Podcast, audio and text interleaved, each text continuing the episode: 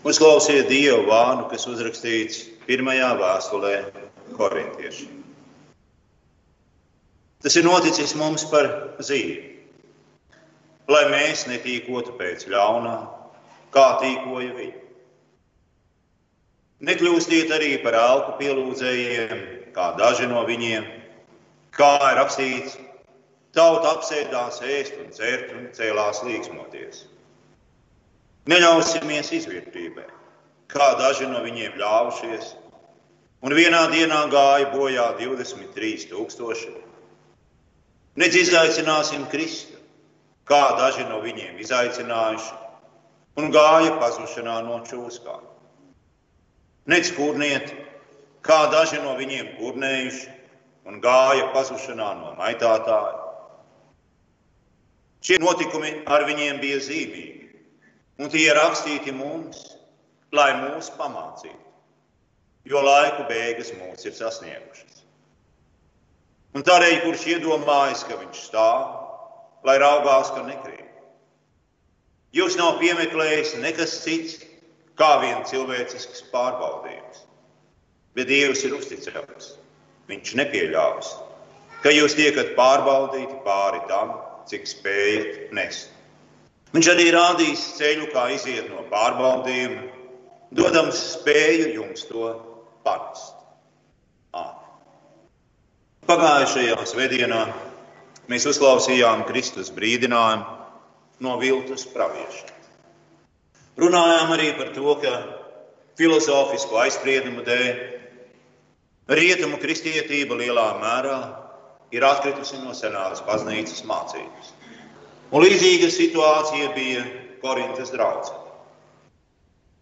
kur kristieši bija kļuvuši pārdroši, sāka veidot sektas radīt šķelšanos un nicināt citu.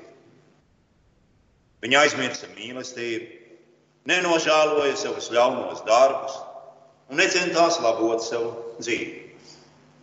Bet kļuva ar vien pārgalvīgāki un darīja visu, kas vien tiem ienāca prātā. Kāds pat gulēja ar savu tēvu sievu.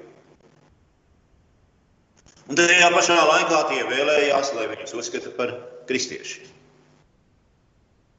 Un tādēļ apustulis Pāvils tiem raksta barbus, skarbus vārdus.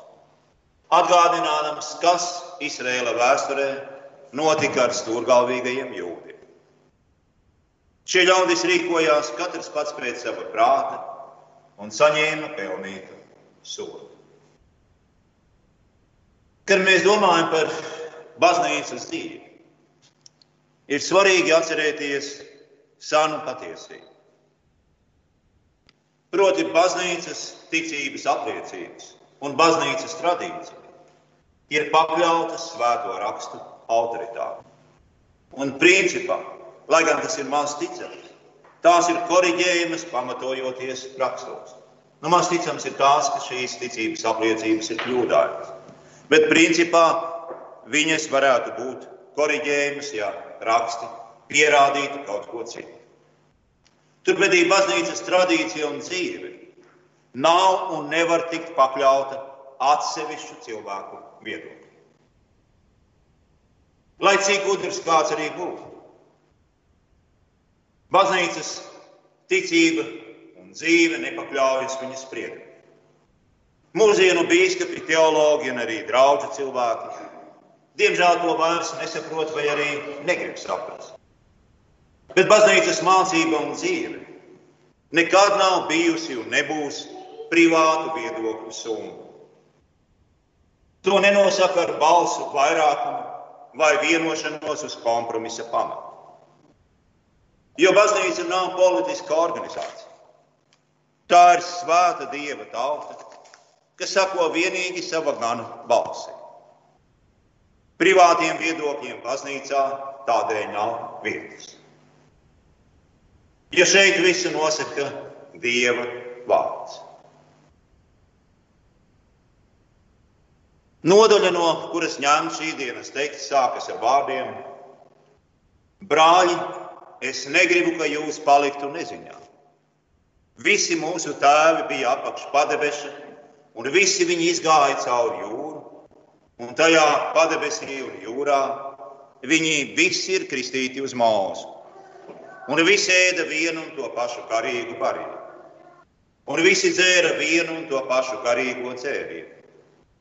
To viņi dzēra no garīgās klints, kas viņiem gāja visur līdzi, un tā klints bija Kristus. Bet uz daudziem no viņiem Dievam nebija labs prāts, un viņi tika pazudināti tuksnesī. Un tas ir noticis mums par zīmi, lai mēs netīkotu pēc ļaunā, kā tīkoja viņi. Tad Pāvils skaidri saka, ka šie vārdi ir adresēti kristiešiem. Un tādējādi tie ir adresēti arī vienam no mums. Mēs turamies pie Kristus mācības svarīgos jautājumos. Bieži dzirdam evaņģēliju, mums tiek sludināta grēka piedošana un atgādināti lielie dievu apsolījumi par mūžīgo dzīvošanu jaunajā pasaulē. Bet, diemžēl, cilvēki ir pārgalvīgi, un viņos briest pārdrošas domas, ka tagad tie var dzīvot paši pēc sava prāta. Un šādiem ļaudīm Pāvils saka, raugieties vēsturē, raugieties, kas notika ar Dievu izredzēto tautu, kas piedzīvoja tik daudz žēlastības, tik daudz brīnumu, bet pavisam drīz sāka neticēt Dieva vārdam, sāka to nicināt, Un Dievs to satrieca tā, ka no visa lielā pulka, no šiem neskaitāmajiem tūkstošiem, kas izgāja no Eģiptes zemes, apsolītajā zemē nonāca tikai labi, ja divi cilvēki. Labi, ja divi vīri. Tie atradās tikai soli no apsolītās zemes. Bet tā sadusmoja Dievu, ka tiem nācās griezties atpakaļ, 40 gadus maldīties tuksnesī, kamēr visi bija miruši un pazuduši. Kādēļ tas notika?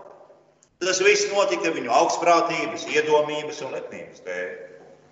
Tādēļ, ka tie neņēma vērā Dieva vārdu, bet sakoja paši savām iegribām un iedomām. Apostolis uzskaita un īpaši uzsver vairākus šīs tautas grēkus. Pirmkārt, apostolis saka, ka uz lielāko daļu no tiem dievam nav bijis labs prāts.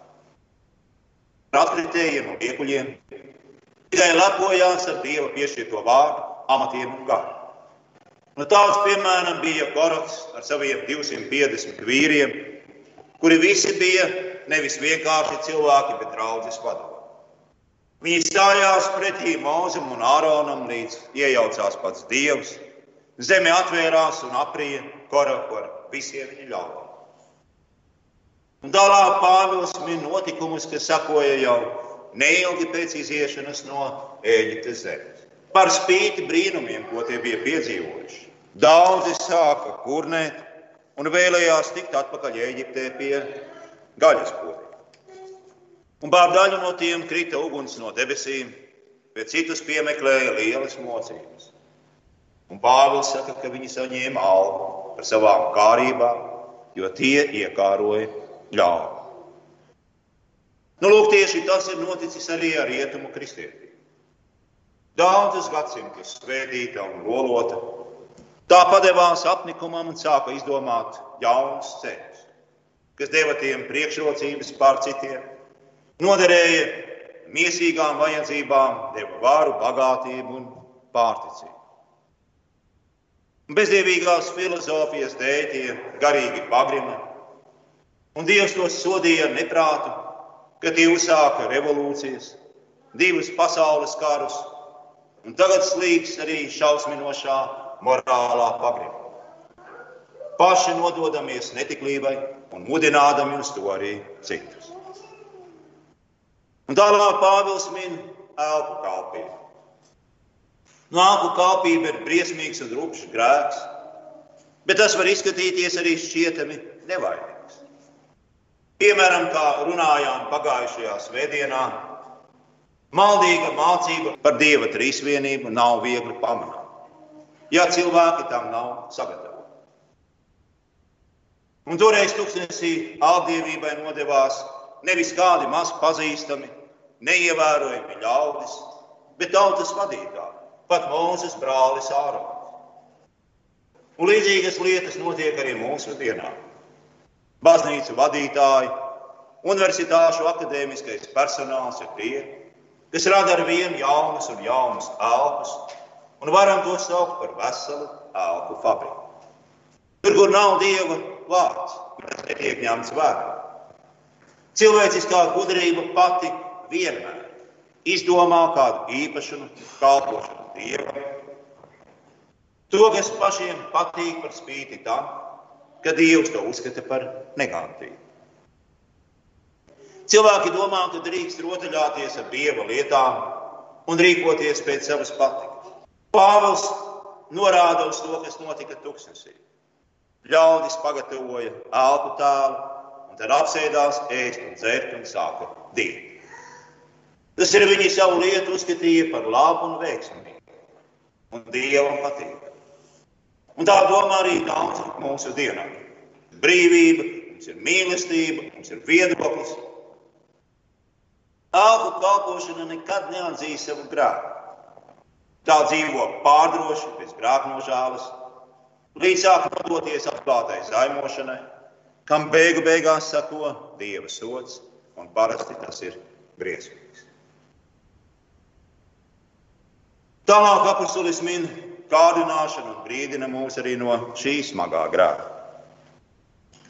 Kārdināšana ir runāšana pretī dievam un cerība, ka Dievs to nesūtīs.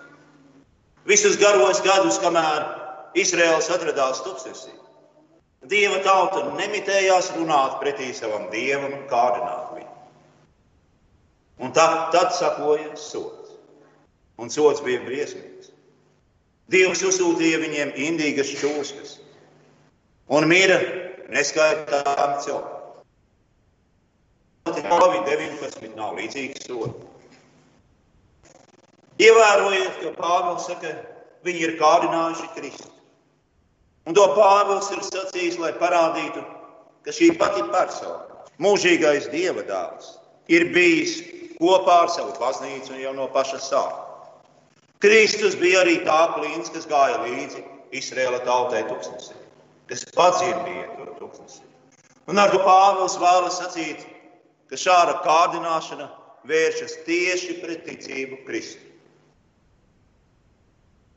Pēc tam Mozus pēc dieva pavēles darināja vara čūsku, kur uzlūkojot, mirstošie tika dziedināti. Un šādi tika norādīts uz Kristu, kam bija jākļūst par upuru, kura dēļ ik viens, kurš grēkojas, var tikt izglābts. Un tā no ļaudīm bija jāzina, ka tiem, kuri ir zaimojuši Dievu, nopelnīdami viņa dusmas un sodu. Nav cita padoma, ne citas palīdzības. Kā vien jānožēlo grēks un no jauna jātic Kristu. Protams, ir maz cerību, ka tas varētu notikt rietumu pasaulē, ja bezdievīgie filozofiskie uzskati ir iesakņojušies pārāk, pārāk dziļi. Daudz cerīgāka situācija izskatās Āzijā un Āfrikā, kur jau tagad kristietība aug un izplatās ļoti strauji. Pēdējā lieta, no kuras brīdina Pāvils, ir kurnēšana.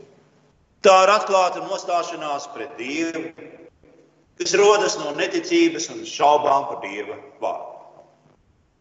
Tā ir nepacietīga atkāpšanās no Dieva vārda un nevēlēšanās tam paklausīt tad, kad lietas nenotiek pēc cilvēka prāta un padomu. Un jūdi to darīja bieži, gandrīz nemitīgi. Ar šo stāstu Pāvils grib brīdināt visus, kas sevi sauc par kristiešiem, lai viens apdomātos, paliktu dievībā un sargātos no pārdomas. Ar šiem sodiem Dievs ir skaidri parādījis, ka viņš nejokos un nepieļaus, ka tiktu nicināts vai sagrozīts viņa vārds, vārds, kuru viņš pats ir devis. Ja nu par pašu Dieva izredzēto tautu ir nācis šāds sots, kā gan mēs varētu uzrīkstēties, kļūt lepni, pārdroši un pārgalvīgi? Mēs taču esam daudz vājāki par seno laiku ļaudīm. Un šajos beigu laikos vairs nevaram piedzīvot tādus brīnumus un zīmes, kā piedzīvoja viņi. Lai gan daudziem šķiet otrādi, ka katra jaunā paudze ir gudrāka par vecāko, tas tā nav. Mēs esam neskaitāmas reizes vājāki nekā tie cilvēki, par kuriem mums ir vecā derības teksts. Daudzajādā ziņā, īpaši psihiskā, psiholoģiskā un tam līdzīgā veidā. Garīgā konstitūcija mums ir daudz, daudz švakāka. Un tādēļ raudzīsim, lai lepodamies ar Kristu, grēku piedošanu, Dieva žēlastību. Mēs paši esam piesardzīgi un uzmanīgi un nepieļaujam, ka mums nāktos pazaudēt visu, ko esam saņēmuši. Mēs vēl esam ceļā, un mēs neesam sasnieguši savu ticības mērķi. Mūsu glābšana ir sākusies un turpinās pēc Dieva mūžīgā nodoma. Dievs mums ir devis savu vārdu, noslēpumus, žēlastību un garu, bet arī mums ir jābūt piesardzīgiem un uzmanīgiem. Lai nekrītam un neatraidām Dieva žēlastību ar savu neticību, nepateicību un nepaklausību. Kristus mums saka, ka izglābts tiks nevis tas, kurš iesāk, bet gan tas, kurš pastāv līdz galam. Un šajos pēdējos laikos īsi pirms pasaules gala, kad evaņģēliem ir jāizskan visur. Lielais ļaužu pūlis visvairāk tiecas sevi lepni dēvēt par kristiešu. Bet tajā pat laikā māca maldus un dzīvo sliktāk par pagātni. Un tādēļ tiem, kas nav pieņēmuši patieso mīlestību, kā saka Pāvils, nav iespējams pastāvēt viņu uzmācības priekšā. Un mums ir nopietni jālabojas un jābruņojas ar Dievu vārdu. Jo tagad taču pats Pāvils ar neparastu spēku uzbrūk ar viltus mācībām, garīgiem kārdinājumiem un viltus garīgumu. Bez Dieva vārda mēs esam bezspēcīgi tā visa priekšā. Tādēļ būsim nopietni. Regulāri apmeklēsim dievkalpojumus, lasīsim Bībeli, mācīsimies katehismu, lūgsim Dievu lai viņš uztur mūs īstenā ticībā līdz galam. Šīs taču ir pašas svarīgākās lietas mūsu dzīvē. Vienalga, ko mēs par to domājam.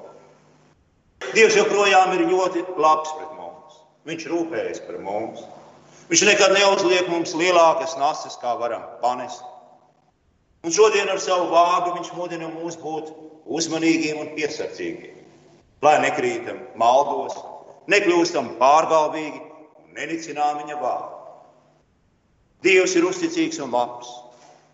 Neizaicināsim viņu, nekārdināsim, bet būsim pateicīgi par viņa labestību pret mums, nabaga nožēlojamiem grēciniekiem, kam pilnīgi nepelnīgi ir dāvāta ticība un mūžīgās dzīvības cerība.